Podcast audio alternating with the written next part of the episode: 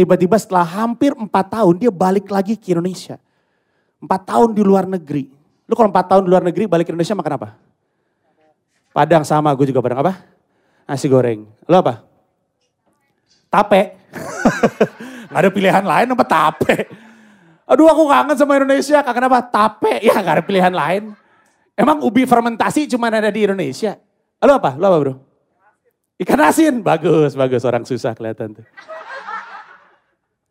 Lu yang berdua apa? Lu kalau empat tahun di luar negeri, pulang ke Indonesia, lu cari makan apa? Jengkol, respect. Respect, untung jauh lu. Jengkol, ses nyampe sini ya kan. Kamu? Kamu apa? Apa? Padang. Oh iya, sama, sama lu juga jawabannya Padang ya. Ini apa di pacaran? Suami istri ya bagus. Nggak kelihatan akrab soalnya.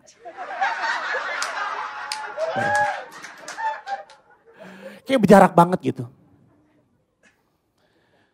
Gue kalau misalkan 4 tahun keluar negeri, balik ke Indonesia yang gue cari pertama kali untuk gue makan adalah Padang tentunya. Habib Rizik tapi 4 tahun luar negeri, pulang ke Indonesia yang dia makan peluang Anies Baswedan jadi presiden. Hilang wibawanya hilang guys.